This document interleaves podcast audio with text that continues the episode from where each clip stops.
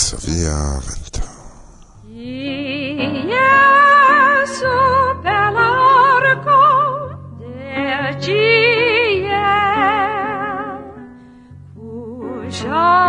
Lando mirinda di razani fabel. Jesu per l'arco e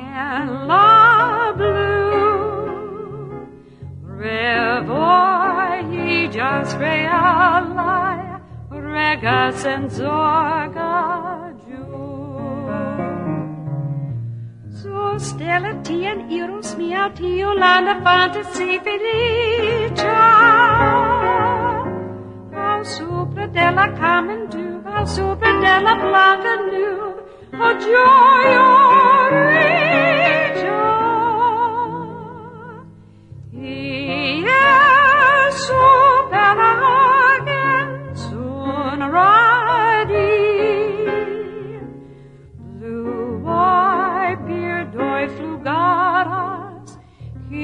Ne er povas mi Sus stella tien eros mia tiu landa fantasi felicia. Au supra della common du Au supra della blanda nube A gioia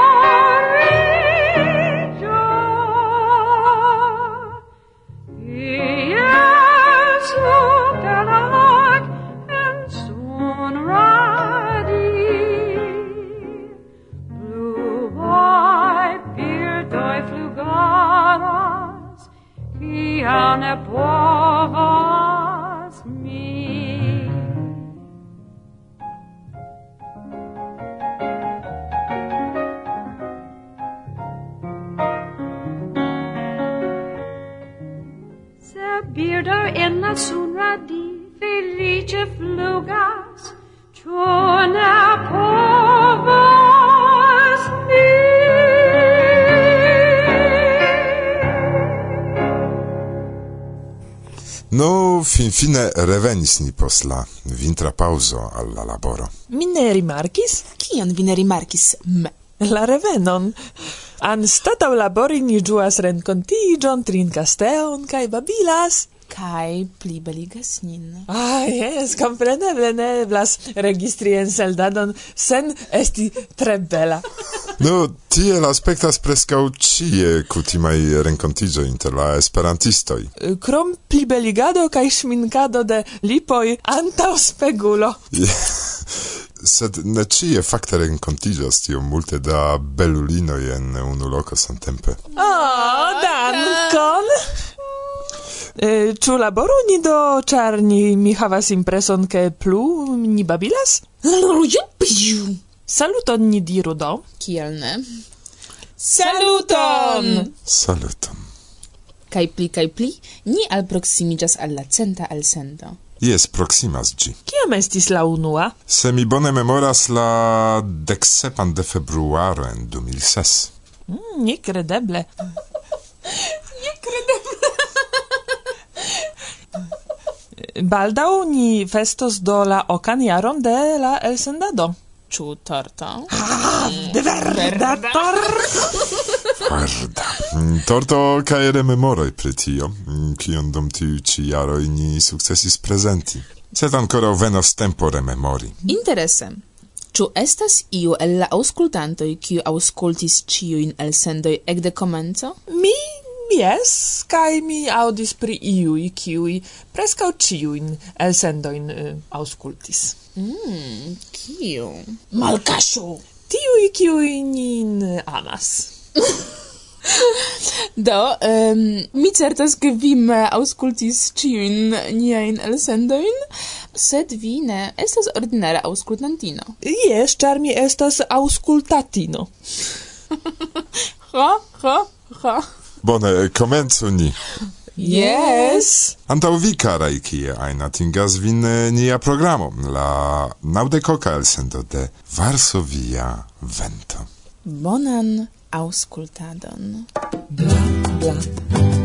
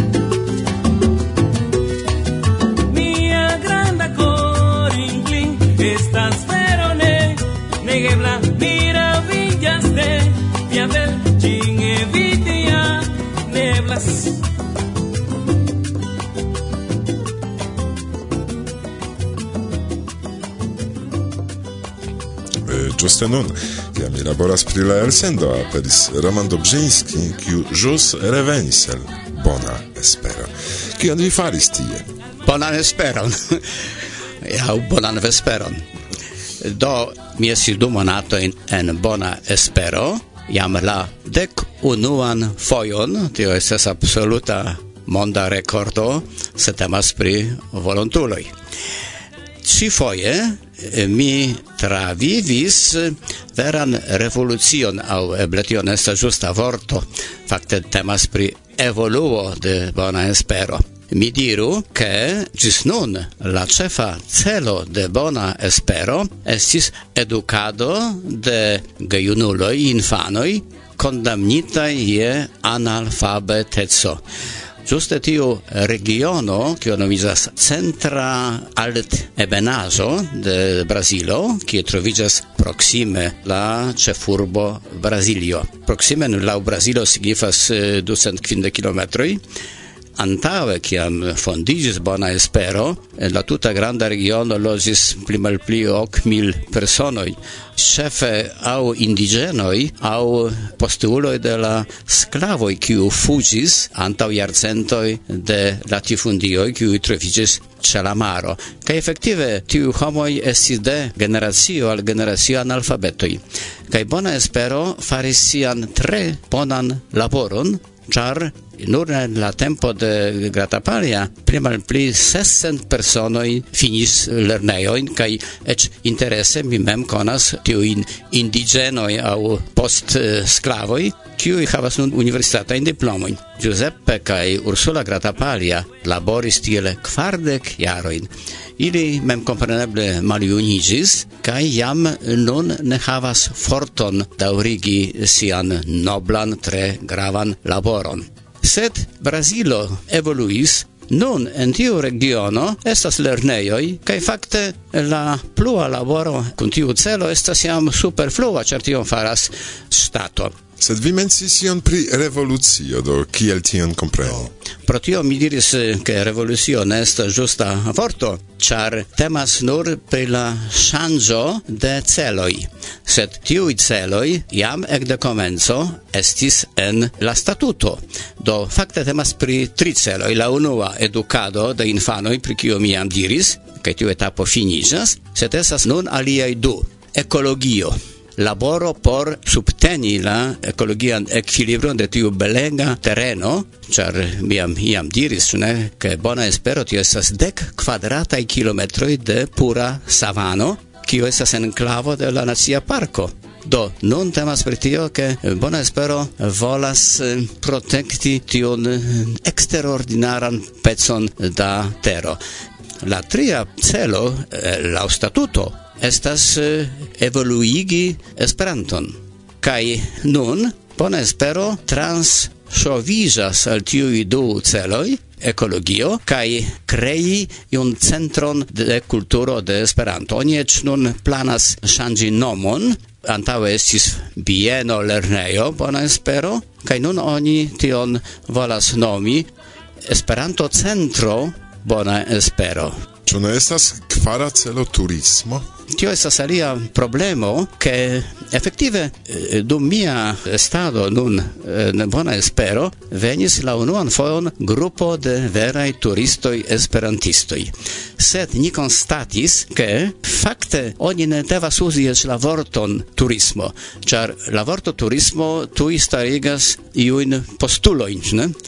Kaj mi lansis eh, nomon esperantista kun loĝado char la nivelo do fizika e condicioi estas tute acceptebla vi havas chambroin du lita in chambroin kaj anka estas varma akvo en tiuj chambroj set tio ne estas quin kvin i set on diras tio estas kvin pint stela hotelo do ilia nivelo estas mi diru i condicio estas modestaj mi diru set acceptebla kai anka o mangiado esta eh, suffice modesta set exemple trege sana ne?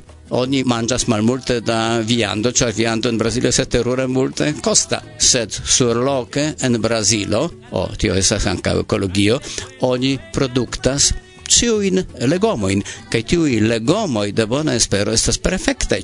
Oni ilin bredas, cultivas sen uso de chemiajoi, ne? Do, lau tiu vid puncto, tiu turismo, au mi diru kun loĝado estas trege bona ŝanco por la homoj kiui ne venas por rigardi catedraloin, cer tie ne existas, sed homoi kiui vivas tre proxime col la naturo. Vi ne imagas tian scenoi ke mi subite haltas antau arbusto, kun floroi, kai mi vidas che pentas du colibretoi kiui trinkas nectaron de la floroi. Kai la birdoi generale ne timas. Compreble, so oni tro proximigas, sed mi exemple filmis tion scenon de unu metro colibreto kiu laboras kaj tute ne atentas pri tiu besto kiu nun filmas sin. Do uh, pri via vizito en Bona Espero ancora ni parolos, ni revenos al tio pli large pri vastena aparta intervjuo. Mi estas scivolema kiel vi travivis la revenon el tropika fakte somero al frosta ege frosta kaj vintra neĝa Polando. Davido, eh, Bona Espero estas ideala loko, ĉar eh, kvankam eh, lastatempe jam estis suno en zenito, sed tio estas sezono de pluvo eh, kaj la cielo estas ofte kovrita de nuboj kiuj protektas homoj de la fortega suno. Do la temperaturo estas ĉiam ekde dudek ĝis tridek ĉar Bonespero situas sur la alteco de 1300 metroj. Sed De bona espero miris al la ĉefurbo Brasilia, kio estas io malpli alta, kaj tie mi jam eh, suferis dum kelkaj tagoj la temperaturon de 35 gradoj. Kai mi traflugis kai la lian tagon mi amesis en Varsovio kie salutis min frosto dek kvin gradoj. Tio estas quindec gradoi da differenzo. Don mi nur il consolis min, che mi memoras iam eh, kiel giornalisto della Pola Televido mi revenis el la milita stato en Nicaraguo, kie mi suferis quardec quin gradoin, kaj mi revenis dal Moskvo, kie esis tridec quin gradoin da frosto. da esis octec gradoi, kaj tio esis mia recordo de mia vivo. Do bone, che via corpo kai coro fakte eltenas tion, ĉar estas eh, tre malfacilaj ŝanĝoj. Do vi rajtas ion eh, por la fino diri kaj al eh, la temoj ni revenos kompreneble. Do, mi volas dire che en bona espero mi quelquoie en saltis eh, Varsovian venton, eh, kai mi auscultis, eh, kai eh, ancora foje mi convincigis che tiu spezzo de radio, uno che gi esas radio kun bildoj, ne, iam tute neimagebla, sed krome, eh, che tion radiono ni povas ausculti e oni volas, ne? Mi ne estas ligita al konkreta horo, por tion ausculti, ĉar mi auscultas kiam mi deziras, ne? kai tio estas tre granda valoro et cetere mi ancau povas diri che iam cadre de tiu Esperanta centro ni praktikis eh, praktikadon de Esperanto sur iu nivelo inter alie na tuta grupo tir tomata turisma grupo auscultis la diskon eh, kiun cetere vi Varsovia Vento eh, faris. Do bona espero idealo kaj realo ĉar ĝi estas sur diski ingita libro la sama titolo. Eh, do tio estas trege interesa eksperimento pri lernado kaj praktikado de la lingvo. Do non tempa adiaŭ antel. Vi povas diri simple ĝis baldaŭ. Yes, ĝis baldaŭ.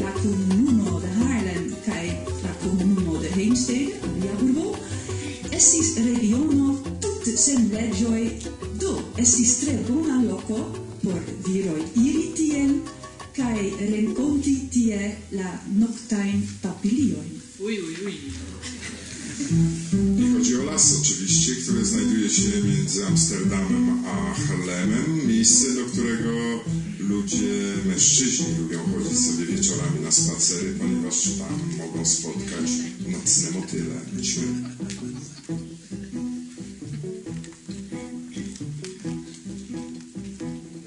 Pli mal pli du semajnoj antaŭe mi estis en Novesącz, kiu situas kvarcent kilometroj sudoriente de Varsovio, speciale por ĉeesti kaj ĝui koncerton de la friza teamo Capriol.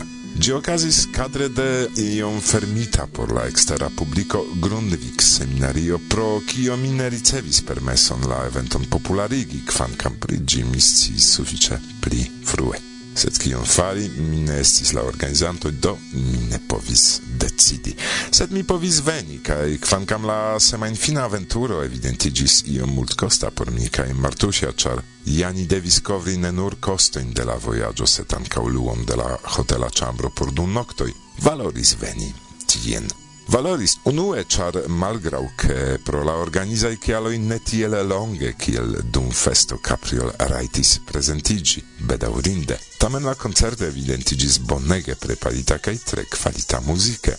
Due che crom capriol presentigis ancau loca popoldanza gruppo Sondeciani, cae ancau tiun specon de la regiona musico mi shatas.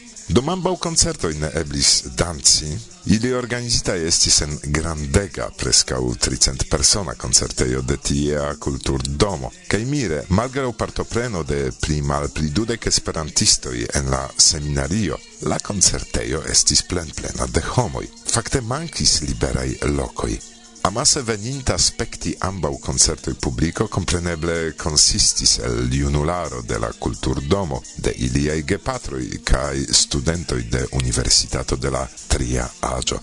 Necunu vorton ili comprenis esperante, compreneble, set mesurinte la applaudan reagon, Capriol ancora foje pruvis sian capablon bone presenti esperanto culturon laŭ la friza maniero, compreneble. Capriol ludis ancora foie dum la solena vespermangio, dum de nova aperis multe da ne esperantistoi. Tiam eblis danci, tamen eh, la manĝejo en kiu cio tio estis organizita ne estis preparita ja al musica sono. Do pardonu, sed la duan concerton ne vere eblis giui pro stranga echo cae bruo de la homoi, cui simple venis ne ausculti musicon sed buffetumi cae dibocci. La trian, shaine play interesan parton de la Capriol viva concertado en Polando iam mi ne povis ĉeesti.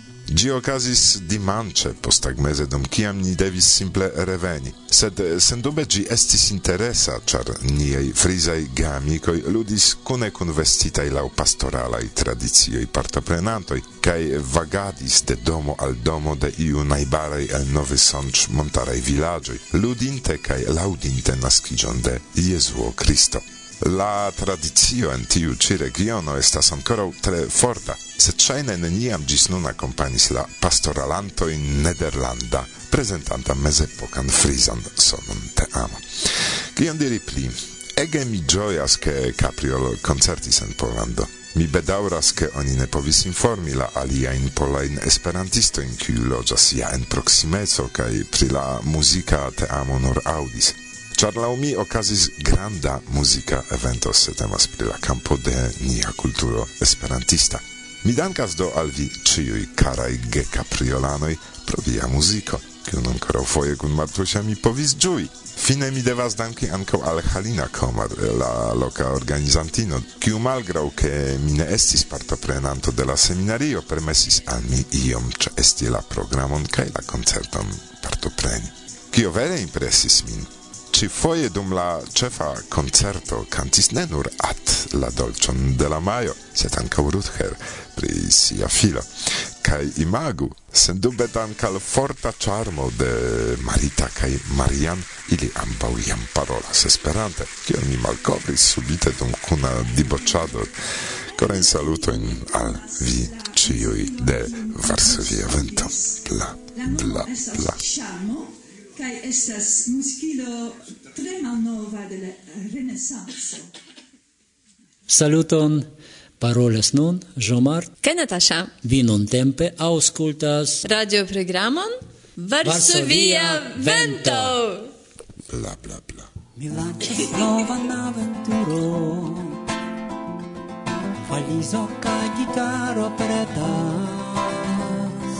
Betrajne radoj haston puro la vigla revoj nun ripetas. Yeah. Adiaŭ viv malpoezia. Saluton vojoj kaj renkontoj. Odore de la montvisia, amikoj, kantoj kaj rakontoj.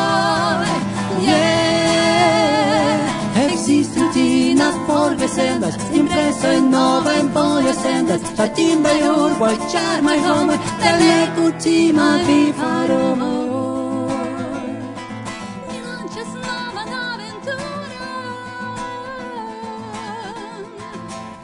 Varsovia vento plezuras renkontiĝi kun Natasha? Kaj Jomart. Ni auscultis intervjuon kun vi pri via historio, pri via esperantistigio, pri via revoj, planoj, pri via muziko, kaj nun eh, ni parolu pri tio kio okazas nun. Por ke aŭskultantoj, ŝatantoj de via muziko havu iun eh, konsenton kun vi ke Jean-Marc kaj Natasha ne malaperis kiel Gerda, sed tamen eh, vivas kaj eldonas novajn kodojn, kio laste okazis ĉe vi. Do giuste nun ni estas ĉe festo en Belgio kaj ni havis koncerton jam. Estas ege bon chance anto koncerto ni ne multe vidas, sed post tio ĉion. kaj estis bona etoso, eh, la koncerto mem estis bona kaj publiko dum la koncerto estis bona. Kaj ni ankaŭ ĉi partoprenis kaj kantis dum germana kongreso, landa kongreso en Nürnberg kaj ni ankaŭ kantis dum Islanda Reykjavika huko ĉiare kaj estis eh, ege ĉarma publiko tie ankaŭ do la unuan fojon publiko ekstaris post la koncerto kaj aplaŭdis kaj tio estis ege rava sento vere. Kaj eh, do tio okazis ĉi somere ĉu ne? kio okazos la someron poste ni vidos, sed ni vivas plej parte de somero al somero. Ĉu ne lacigas tiu turneo de kongreso al kongreso prepariĝi, trejni, ekzerci, ĉiam havi pretajn voĉojn, ĉar pri voĉojn ni devas zorgi kaj artistoj antaŭ koncerto malaperas frue por protekti. Jean-Mart, kiel tio aspektas? Du lacigas, certe, sed eh, mi pensas ke Exemple por mi do mi ciam havas energion. De tiu aranĝo do ni venas hejmen, estas tute lacaj kaj aliaj niaj najbaroj venas de mi ne scias de, de ferioj. Estas tute ripozantaj, tute malstreĉitaj. Kaj ni ĉiam venas lacaj kaj dormas eble du tagnoktojn. Yes. Sed tamen ni havas tiom da energio, ni ricevas multe da novaj ideoj Kai eh, tui post kiam ni revenas hejmen ni revas pri novaj renkontiĝoj kaj novaj koncertoj. Kaj ni prepariĝas longe dum du monatoj antaŭ. Do tio estas eh, iom streĉa tempo, ke ni strebas esti perfekte.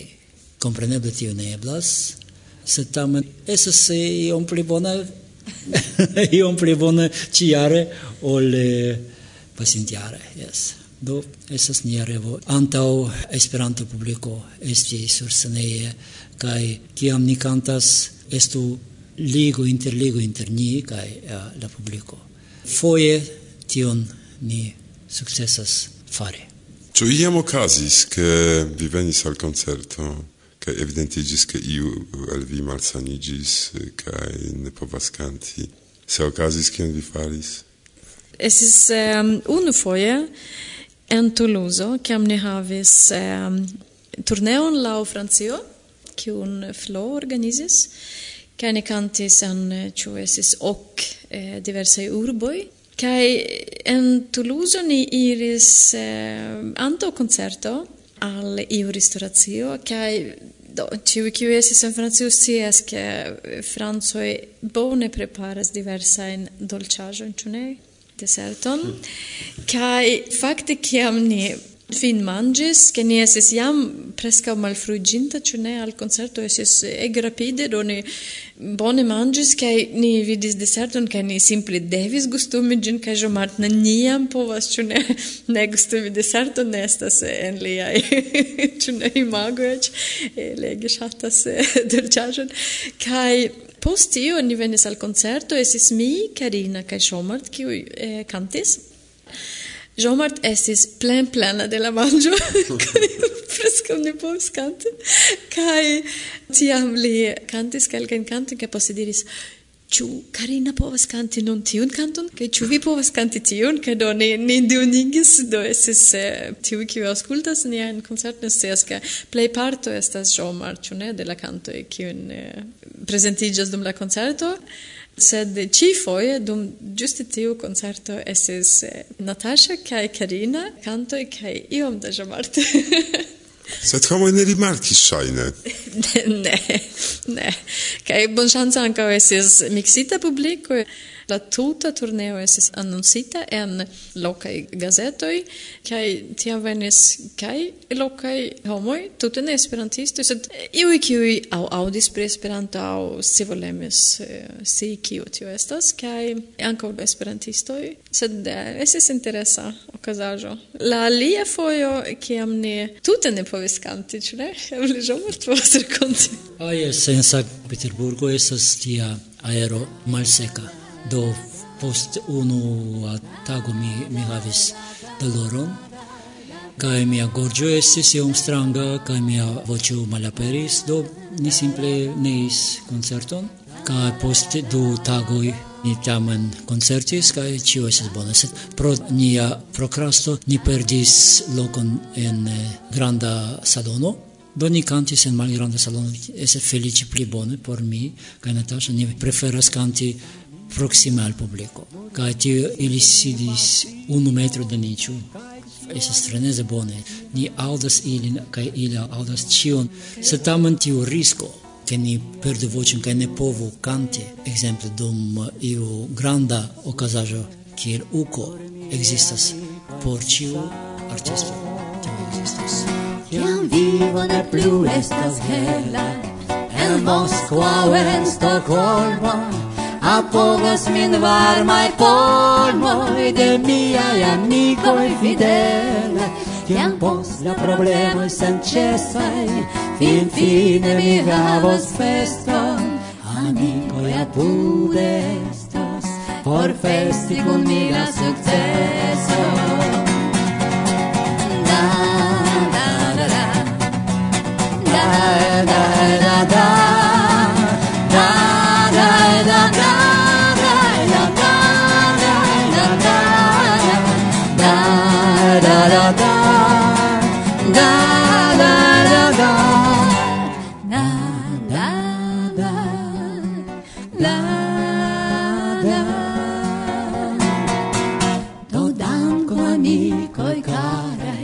Pro sincerai coroi, farite il pura oro, pro viai animoi clarai, vi estas mia fiero, la granda tingo mia, e mia intensa vivo.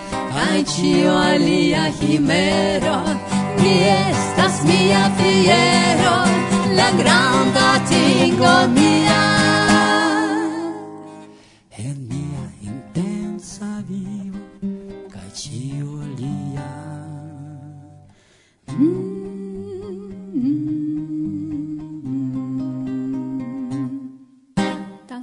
Varsovia vento.